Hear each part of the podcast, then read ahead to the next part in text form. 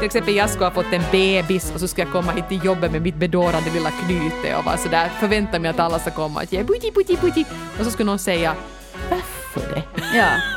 Alltså hur tänkte du där Eva? Varför skaffade du barn? Är du nu säker på det? Alltså, men det är ju precis samma som de som ifrågasätter folk som inte vill ha barn.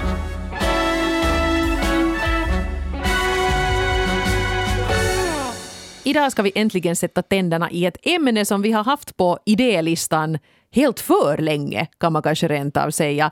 Det börjar vara ett bra tag sedan vi gjorde ett eh, poddavsnitt om ofrivillig barnlöshet. Och då var det, det blev ett bra avsnitt minns jag. kom in mycket brev på det. Men ganska snabbt efter det så fick vi faktiskt förfrågan att hur skulle det vara om ni skulle göra också ett avsnitt nu då om frivillig barnlöshet eller barnfrihet. Alltså om oss som inte nu vill ha barn helt mm. enkelt. Och nu är det då dags. Och det var bra att vi gjorde det här nu, för hoj vad mycket svar vi har fått. Jag blev riktigt förvånad, för det är inte alltid så lätt att veta vilka ämnen det är som sen engagerar folk. Jag tänkte att nah, det kanske inte är det största ämnet som vi har haft. Men hoho, alltså jag tror vi har 13 sidor med brev här som har kommit in från alla er som, som är frivilligt barnlösa eller barnfria. Och, Precis. Och verkar måste stå ut med ganska mycket frågor från omgivningen. Man hamnar att försvara sig mycket och på något vis motivera sina livsval. Och det känns ju ganska orättvist. Men men jag tycker det är kul också här att, att eh, nu i det här sammanhanget att man får höra lite orsaker till varför man tänker så här. För det kanske också kan öka förståelsen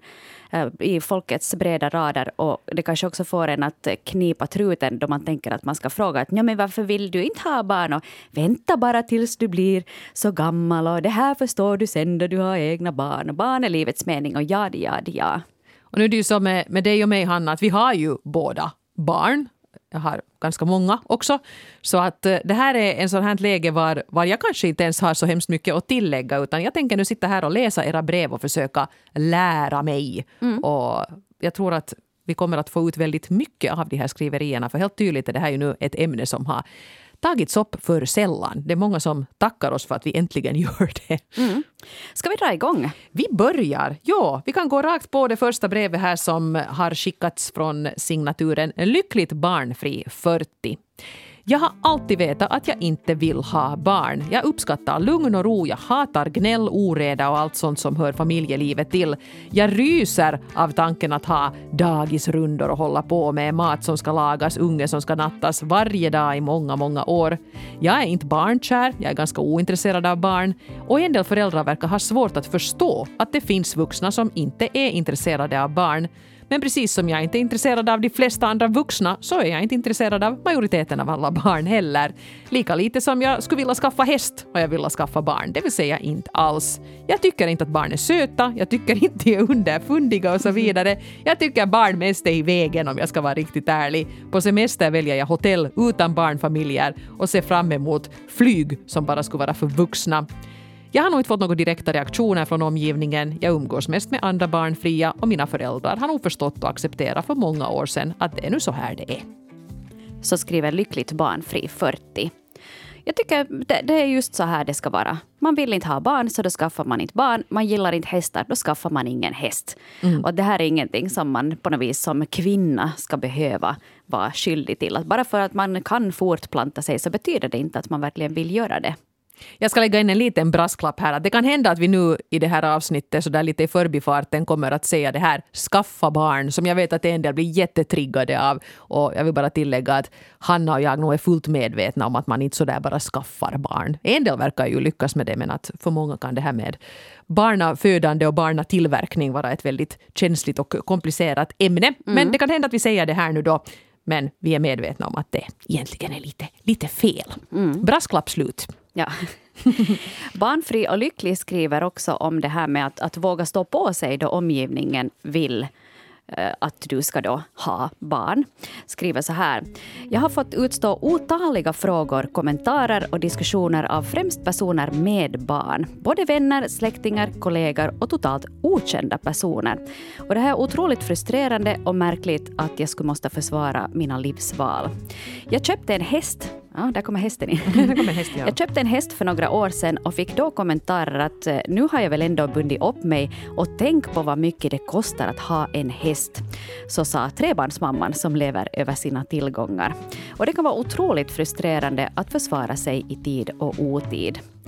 Dock så har jag märkt att eh, efter att jag passerar 40 så kommer kommentarerna mycket sällan nu när tåget har gått så att säga för barnafödande och den hopplösa singelkvinnan står på sig. Åh, oh, vad skönt. Jag är så otroligt nöjd över att jag gått min egen väg och rätt övertygad att om jag hade fallit för barnnormen så skulle jag ha varit en olycklig människa där jag hade känt mig snuvad på livets konfekt. När jag hör om mina vänners vardagspussel så brukar jag tacka mig själv inombords för mina livsval. Det lockar mig inte minsta och skönt är det. Skriva barnfri och lycklig. Mm. Ja, men det är intressant det här för att jag vet inte om jag också har gjort mig skyldig till det här men jag vet nog att jag känner såna som när de själva får barn på något sätt anser att de har funnit den heliga graal och livets mening och kan bli ganska så här odrägliga i det. Att man är så här, men vänta bara, att det är nog nu man inser vad ens uppdrag här på planeten är. Att det är ju klart att det är att fortplanta sig och ta hand om de små liven. Och, och nej, så är det ju inte alls för alla.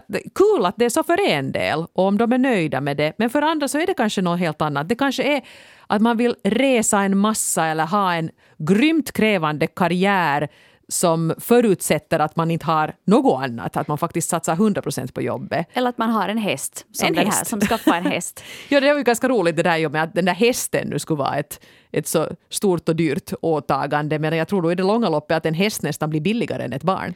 Det tror jag. Dessutom är det så bra med hästar för man kan alltid sälja dem om man tröttnar på dem. Men jag tror att det är inte helt okej att sälja barn.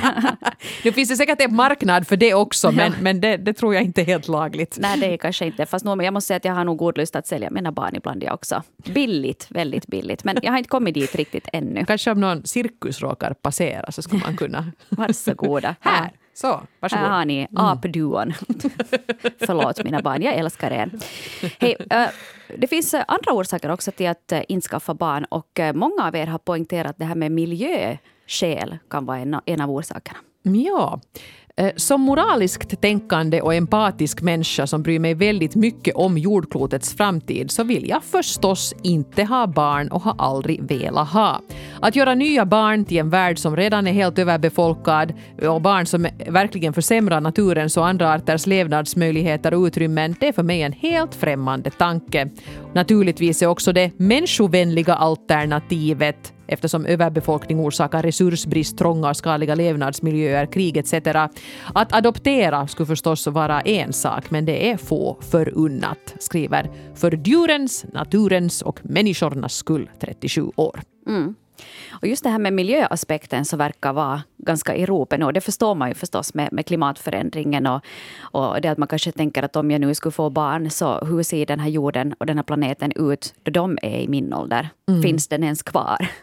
Så är det ju. Inte för att jag liksom göra en sån här domedags vet du, predikan här, men, men säkert är det någonting som man ändå bör ta i beaktande.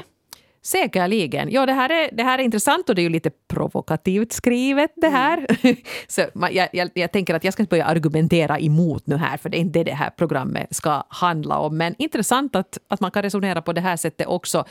Nu är det säkert en tanke som har slagit mig också någon gång, men jag kanske nog skäms mera för att jag flyger än för att jag har barn. Mm. Ja, nå jo. Ja. ja. Mm -hmm. Jag vet inte egentligen, om man tänker dig ett blöjberg du har ju nu en treåring, så hur, mycket, hur stort skulle det där berget bli av de här blöj, engångsblöjorna? Det är ju sånt som man kanske tänker på då, i sån miljö. Mm, ja, till exempel det. Ja, ja. Det, det blir ett stort berg. Mm. Mm. Livsnjutaren skriver Jag är både singel och homosexuell och då blir inga barn gjorda. I alla fall inte på något enkelt sätt. Lyckligtvis har jag ingen barnlängtan heller, snarare tvärtom. Jag kan inte tänka mig något värre än att umgås med stojande barn. Ibland tänker jag att det vore bra att ha hjälpande barn den dag när man når ålderns höst. Men någon annan anledning till att skaffa barn existerar inte hos mig. Då är det klokast att lägga energi på andra saker i livet. Hmm. Mm. Det där med att någon ska ta hand om en då man blir gammal.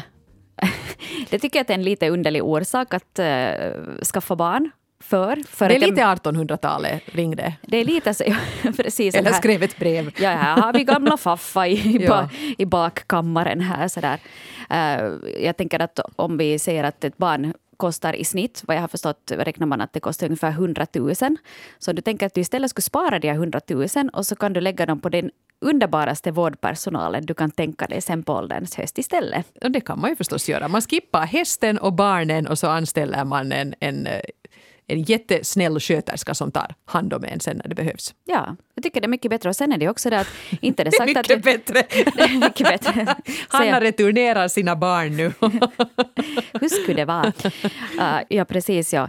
Och, och sen är det ju också det att, att inte det är ju alla barn som ens vill ta hand om sina föräldrar. Det kan hända ganska mycket innan du är på ålderns höst och du har en, med- ett medelålders barn. Det kan hända att ni inte ens talar med varandra mera då. Det kan så att hända. det, jag skulle kanske inte att om det är vårdpersonal du söker så skulle jag kanske inte söka det hos, hos eventuella barn. Nej, det är ju ganska hemskt det här att man skulle på något sätt förutsätta att ens barn ska ta hand om en. Att hör ni, jag tog hand om er så nu är det er tur då. Jag, jag hoppas ju att de ska bry sig om mig när jag är en skrumpig liten russingumma som ligger inför det sista. Men, men om de har en massa annat för sig så säger jag nog att kör på med det istället. Inte behöver ni för min skull Ja, men det är ju då hit. jag får martyra. Oj, vad roligt! martyra. Det har vi något att se fram emot. Ja, nej! Det är jag ju ligger nu här med brutet lårben, men går ni på fest ni bara? Ja. En ny aspekt också när det kommer till det här med att, att infskaffa barn är det att om man är rädd för att eh, föra vidare eh, gener som kanske inte är fördelaktiga för barn. Det var någon här som skrev att, eh, att hon väljer att infskaffa barn på grund av mentala problem och känner att då man själv har en en ärftlig depression, så då är det här en tillräcklig orsak för att inte skaffa barn. Och här var också signaturen Medicinellt 30 år som, som har skrivit om lite liknande grejer. Mitt val att inte skaffa barn beror till största delen på att jag har flertalet sjukdomar som är eller kan vara ärftliga. Chanserna för att mina barn skulle kunna få samma sjukdomar som jag lider av varierar, men de kan ändå gå i arv i ytterligare generationer. Jag står inte ut med tanken att jag medvetet skulle ta risken och orsaka ett lika smärtsamt liv åt en annan levande varelse och därför har jag bestämt mig för åratal sedan att inte skaffa egna barn. Mina sjukdomar begränsar även mitt liv till den grad att jag inte skulle kunna vara en saklig förälder och jag kunde inte heller delta i ett barns liv så pass stabilt att jag anser att det vore sakligt och är därför inte heller rätt person att adoptera.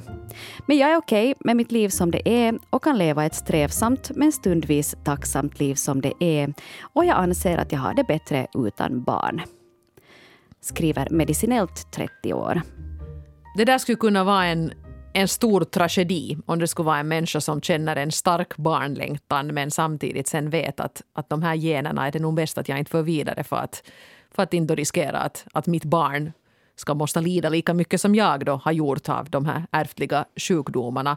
Men här till all lycka så verkar ju vår brevskrivare vara ganska okej med det här och faktiskt föredra ett liv utan barn och då, då är det ju det här är ju nog en sån här anledning som jag tror att ingen skulle titta snett på om man säger att nej men jag vill inte, jag, jag kan inte föra vidare det här till, till ett barn. Ja, och här märker man också det att det är ju ganska många som har sagt att de upplevs som själviska för att de inte har skaffat barn. Och det här är ju väldigt osjälviskt Nå, att göra. Att man helt enkelt vill bespara då ett potentiellt barn eh, potentiellt lidande. Så, och många krafter till dig. Du verkar ha det ganska jobbigt men, men vi skickar krafter här från relationspodden. 47-åringen skriver. Det här är ett intressant ämne, tack för det. Jag är frivilligt barnlös 47-åring. Jag är själv sladdbarn och mina tre syskon har många barn. Och jag har ju sett mina syskon slita och känt att usch, nej, så där ska jag aldrig ha det. Men jag älskar ju mina syskonbarn och det är jätteroligt att umgås med dem. Men inte som mamma, utan som en rolig moster. Och jag är en sån där som tar alldeles för mycket ansvar och som oroar sig väldigt mycket, så det skulle bli riktigt jobbigt om jag hade barn. Och dessutom har jag aldrig känt mig det minsta intresserad av någon annans barn, förutom mina egna släktingars barn då. Hmm. Det är ju ganska bra. Det där, det där är ju lite sånt där som man... Jag menar, jag tror att det kommer bli ganska trevligt att bli mormor en gång, för då kan man ju plocka de där roligare grejerna. Man kan vara så att ska vi gå på bio, ska vi hitta på något kul, men sen när de blir riktigt jobbiga så då får man, man hem dem igen. ja. ja, och sen just det här att man kan ha de där, de där uh, syskonbarnen. Jag har också vänner som har just att de har inte egna barn men de har just uh, fast sköter sina syskonbarn en gång i veckan eller, eller just gå med dem på utflykt eller orka gå till pulkabacken och göra de där roliga grejerna. Mm. Så det tycker jag ju. Det är ju ett härligt upplägg. Och sen när de blir jobbiga just det där så, så kommer bli de hämtade klockan sex. Jag tycker det här är ganska fräscht att ta den här synvinkeln också för ni är ganska många som har skrivit att barn är äckliga och jobbiga och skriker och kackar och jag vill absolut inte ha något att göra med det. Och jag tycker nu då att eh, jag pratar nu här å barnens vägnar att barn är ju nog också ganska trevliga. De är ju trots allt människor. så att lite ta barnen nu här i försvar. Barn kan vara jätteroliga personer att umgås med. Men jag kan bra förstå det här och jag tycker just som 47-åringen beskriver som, som tycker om barn mm. och gärna umgås med dem. Men det behöver ju inte betyda att man prompt ska ha egna. Nej. Och jag tänker lite på det där också med, med att, att barn är underhållande. Och här kanske man skulle kunna skicka ut en liten tanke också till folket. Att till exempel du och jag, Eva, vi pratar ganska mycket om våra barn tillsammans. Mm. För att vi har båda barn och vi känner igen deras livssituation ganska mycket. och så där. Men där tycker jag också att här behöver man passa sig också att om man är med människor som inte har barn, att mm. då kan man lägga kanske lite locket på det där barnsnacket. För att barn intresserar ju bara såna som känner dem personligen. Att inte det är ju sådär att barn överlag är någonting jättespännande. Utan det är kanske kul att just att om din treåring har hittat på, han har sagt någonting roligt så kan vi skratta åt det och, och det är underhållande och kul. Sådär. Jo, sen jag som börjar ha tonårsbarn också så det är ju inte så att jag berättar nu. Jag, jag ska ju inte berätta om vad de har för, för bekymmer och funderingar och sånt här. Men däremot så är det ju de som får mig att hänga med i samhället och det är ju de som de känner ju till alla artister och fenomen först långt förrän jag får nys om dem. Så sånt kan jag ju gärna berätta om, men det har ju ingenting att göra med att de råkar vara barn då, utan det är två personer med koll som jag lever med. Ja, men fint, fint sagt där. Ja.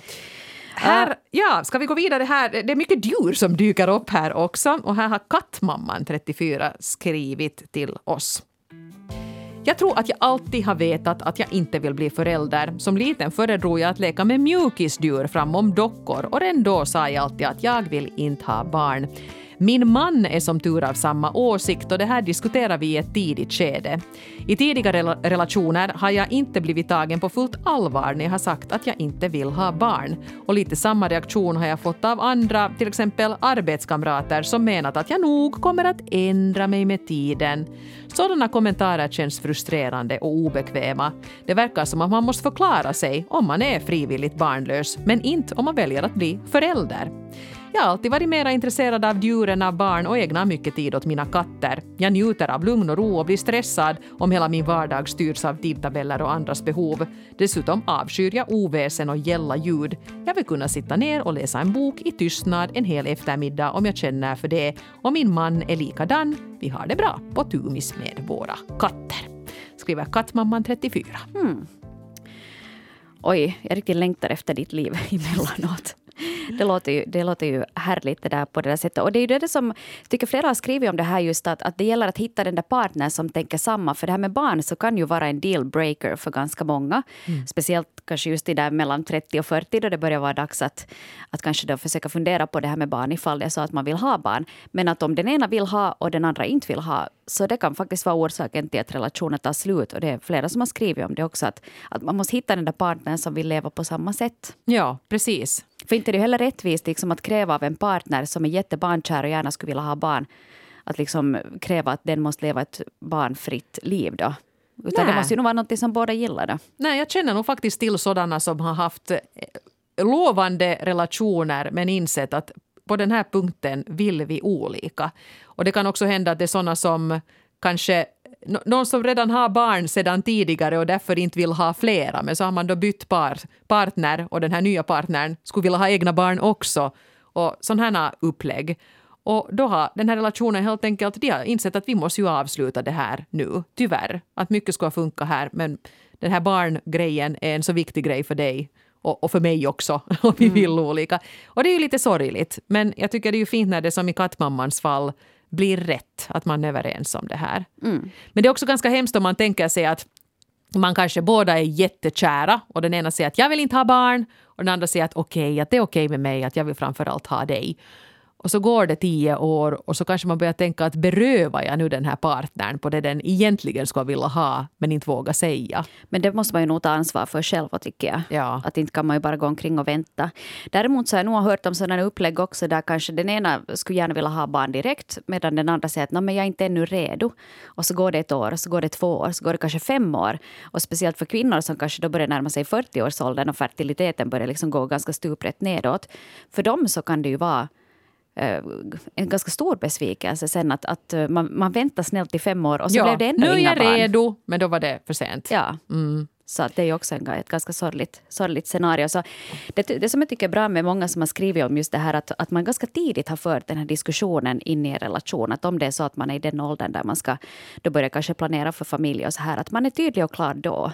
Mm. Och att man vågar stå på sig. För, för med barn så är det svårt att kompromissa. Och barn är ju nog Eh, människor som, som liksom ändå förändrar ditt liv helt och hållet. Det, det kommer man inte ifrån. På gott och på ont förstås. Men det är ju bra det där. Man, man vet ju det att om du är en person som absolut inte vill ha barn, du inleder en relation med någon och förklarar det här för den och den säger att funkar bra, så då vet du att That's a keeper. Mm. Mm. Att man tänker samma på det där. Översättning, det här är någon jag ska hålla fast vid. Ja, Förlåt, det är bra att vi börjar översätta ja. våra, våra engelska missar här.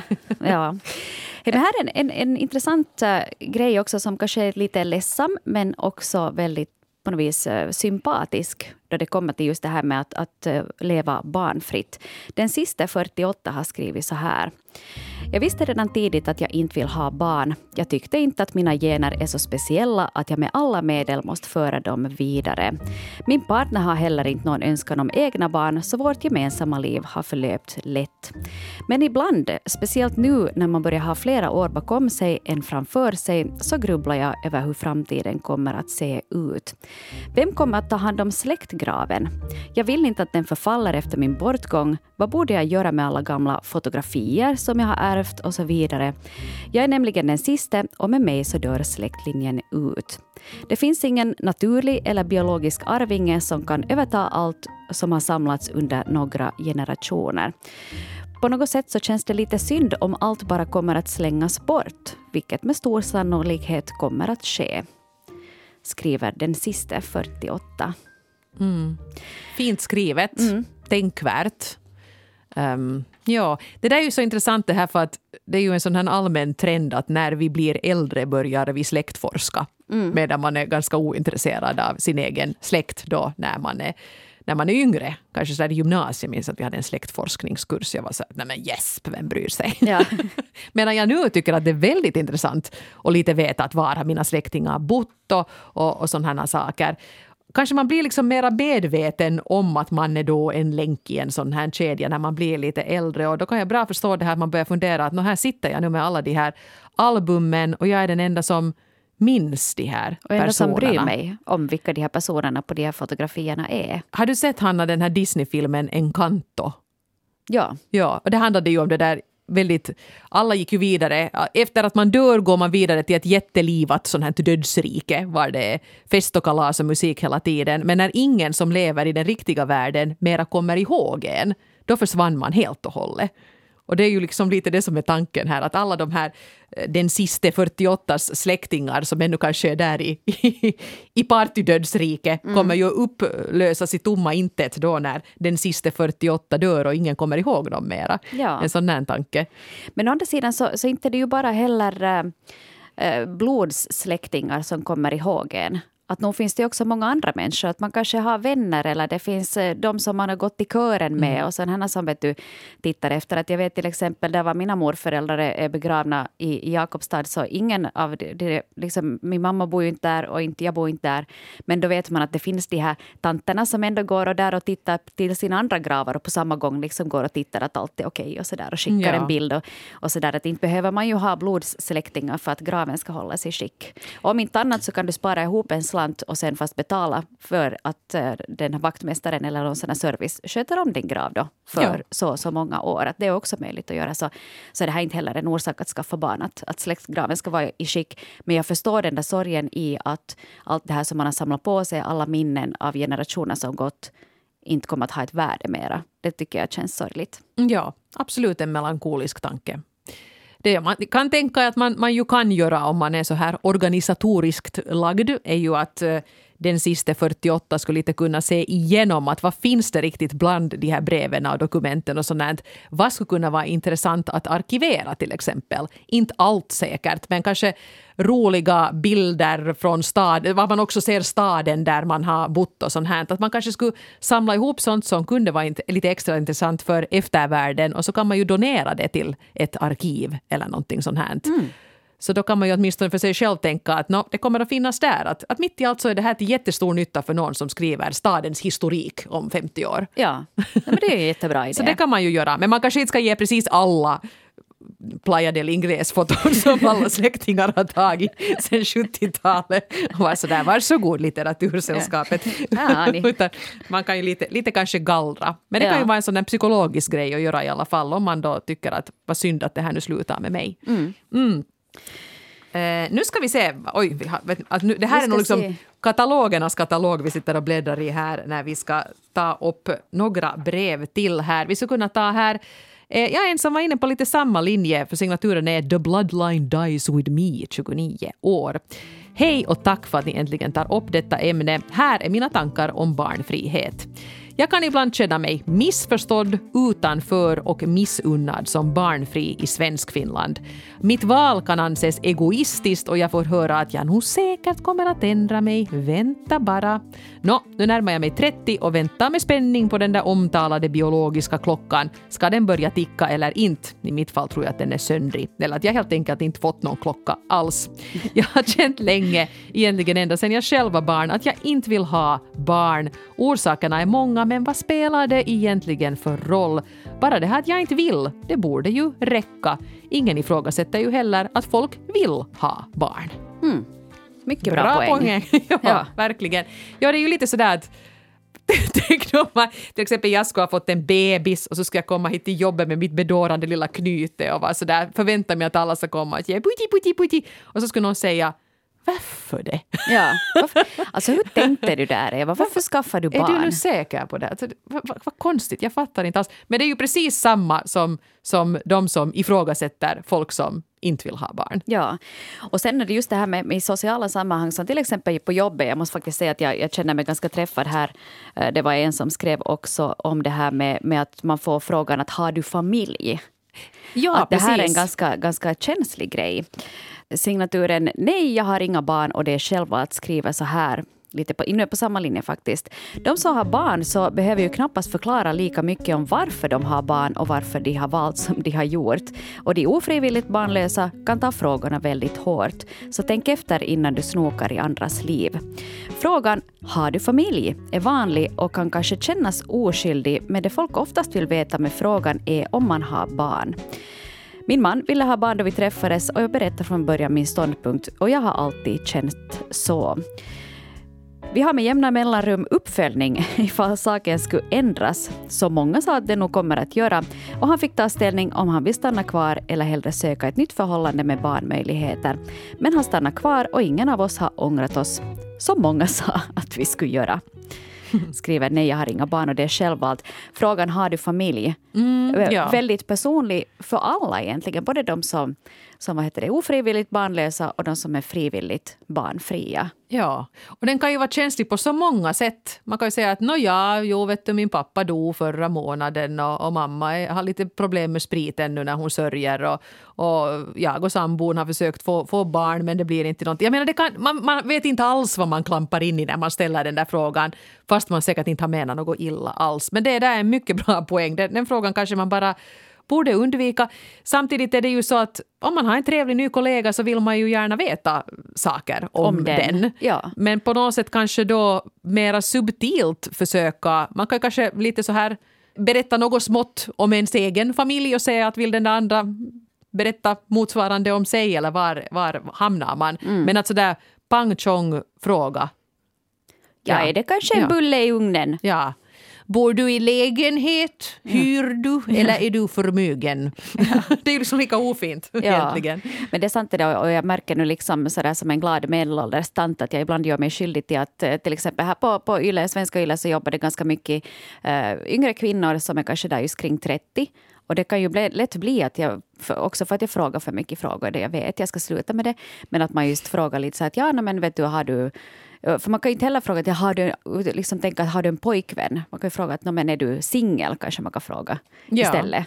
Så får den berätta om hen då har en flickvän eller pojkvän. Eller är det, liksom, det brukar nog öppna sig, men att man kanske inte behöver gå in direkt med att, att snoka för mycket. För jag är lite av en snokare. Jag försöker göra det fint, men nu, nu när jag rannsakar mig själv så kanske jag inte är helt diskret ändå. Ja, no, inte vet jag nu heller om man behöver fråga sina Ja. kollegor att är du singel? Om de har en partner och man börjar lära känna dem så kommer de ju säkert att nämna den där partnern i något skede. Mm. Och annars kanske de också nämner att, att de är singlar sen när de tycker att den här informationen behöver Hanna. Jag vill ha all information, men det är bara för att jag är så fruktansvärt nyfiken. Vet du vad du borde göra? Du borde börja gå omkring med sånt Mina vänner-häfte som Ja. du delar ut till dina kollegor så får de själva fylla i sådär ögonfärg blå, familj, ingen och ska ingen ha. Ja, ja, och så får man, får man köra på det. Ja, ett sånt neutralt formulär. Men jag tycker det här, är- det här tar jag verkligen till mig, det här med att har du familj är nästan oavsett. Om man säger att ja, jag, har, sådär, jag kan ju svara ja, jag har man och tre barn och hus i Esbo det, jag har inte blivit tilltufsad alls. Eh, För det är ju det svaret som är på något sätt det normgivande. Och det är ju hemskt. Ja. Och då Mitt, kan man mitt svar bli... skulle vara säkert ett helt annorlunda svar, men jag kan inte säga det sådär offentligt. På grund av olika orsaker. Jag bor med en hund och jag sålde mina barn till en cirkus på några månader. Veronica, 36, eh, skrev till oss så här. Jag är både moster och faster och jag älskar mina syskonbarn över allt annat. Men jag har också sett hur barn tär på förhållanden och hur omåttligt tungt det är att vara förälder nu för tiden. Jag är inte villig att offra varken min underbara relation till min man eller min mentala hälsa för att ha ett eget barn. Då lånar jag hellre ett syskonbarn över en helg när deras föräldrar behöver en paus och jag får vara den coola mostern och fastern. Och jag och min man använder vår tid och pengar på att leva ett liv rikt av resor och äventyr. Men jag måste ju ändå säga att jag älskar barn och jag jobbar som lärare. Mina elever är de härligaste små människorna som jag har äran att ha ansvar för fem dagar i veckan och sen blir det ju veckoslut. Mm. Jag tycker det där är också så otroligt eh, bra påminnelse. Att man tänker ju också, nu då vi har varit mitt inne i en, en strejk, en kommunal strejk, där just lärare, dagispersonal och sådana som har strejkat, att man på något vis förutsätter att det här är ett kall och att alla som jobbar inom det här älskar barn. Och visserligen så Veronica älskar barn och älskar sina elever, men vill ändå inte ha egna barn. Precis. Och att där är just att man måste komma ihåg det, att det är en skillnad på att det är ett kall och att det liksom är att man bara inte kan leva utan barn, att man måste ha dem runt sig hela tiden. Ja, och Sådär. som Veronica nu här då tydligen är en, en, en bra lärare som tycker att hennes elever är intressanta och trevliga små individer. Sen att de också är ganska små och ganska unga så det, det på något sätt bara kommer på köpet. Ja, så jag tycker en, en, en bra poäng där. Sist tänkte vi faktiskt här idag ta ett brev som en mamma har skrivit men som också har en intressant take på det hela. Jag var ofrivilligt barnlös, men jag har aldrig varit frivilligt barnlös. Men jag har vänner som är det och jag har även bekanta som har gjort abort och pratar om en graviditet som någonting väldigt motbjudande. I början så hade jag nog väldigt svårt att acceptera det här och jag blev innerst inne riktigt provocerad och äcklad av deras åsikter. För barn var ju någonting som jag alltid hade drömt om och helt ärligt så skulle mitt liv inte vara värt någonting utan barn, enligt mig själv då, för att ha allt på det klara. Men efter att jag har fått barn så kan jag landa i det här med frivillig barnlöshet.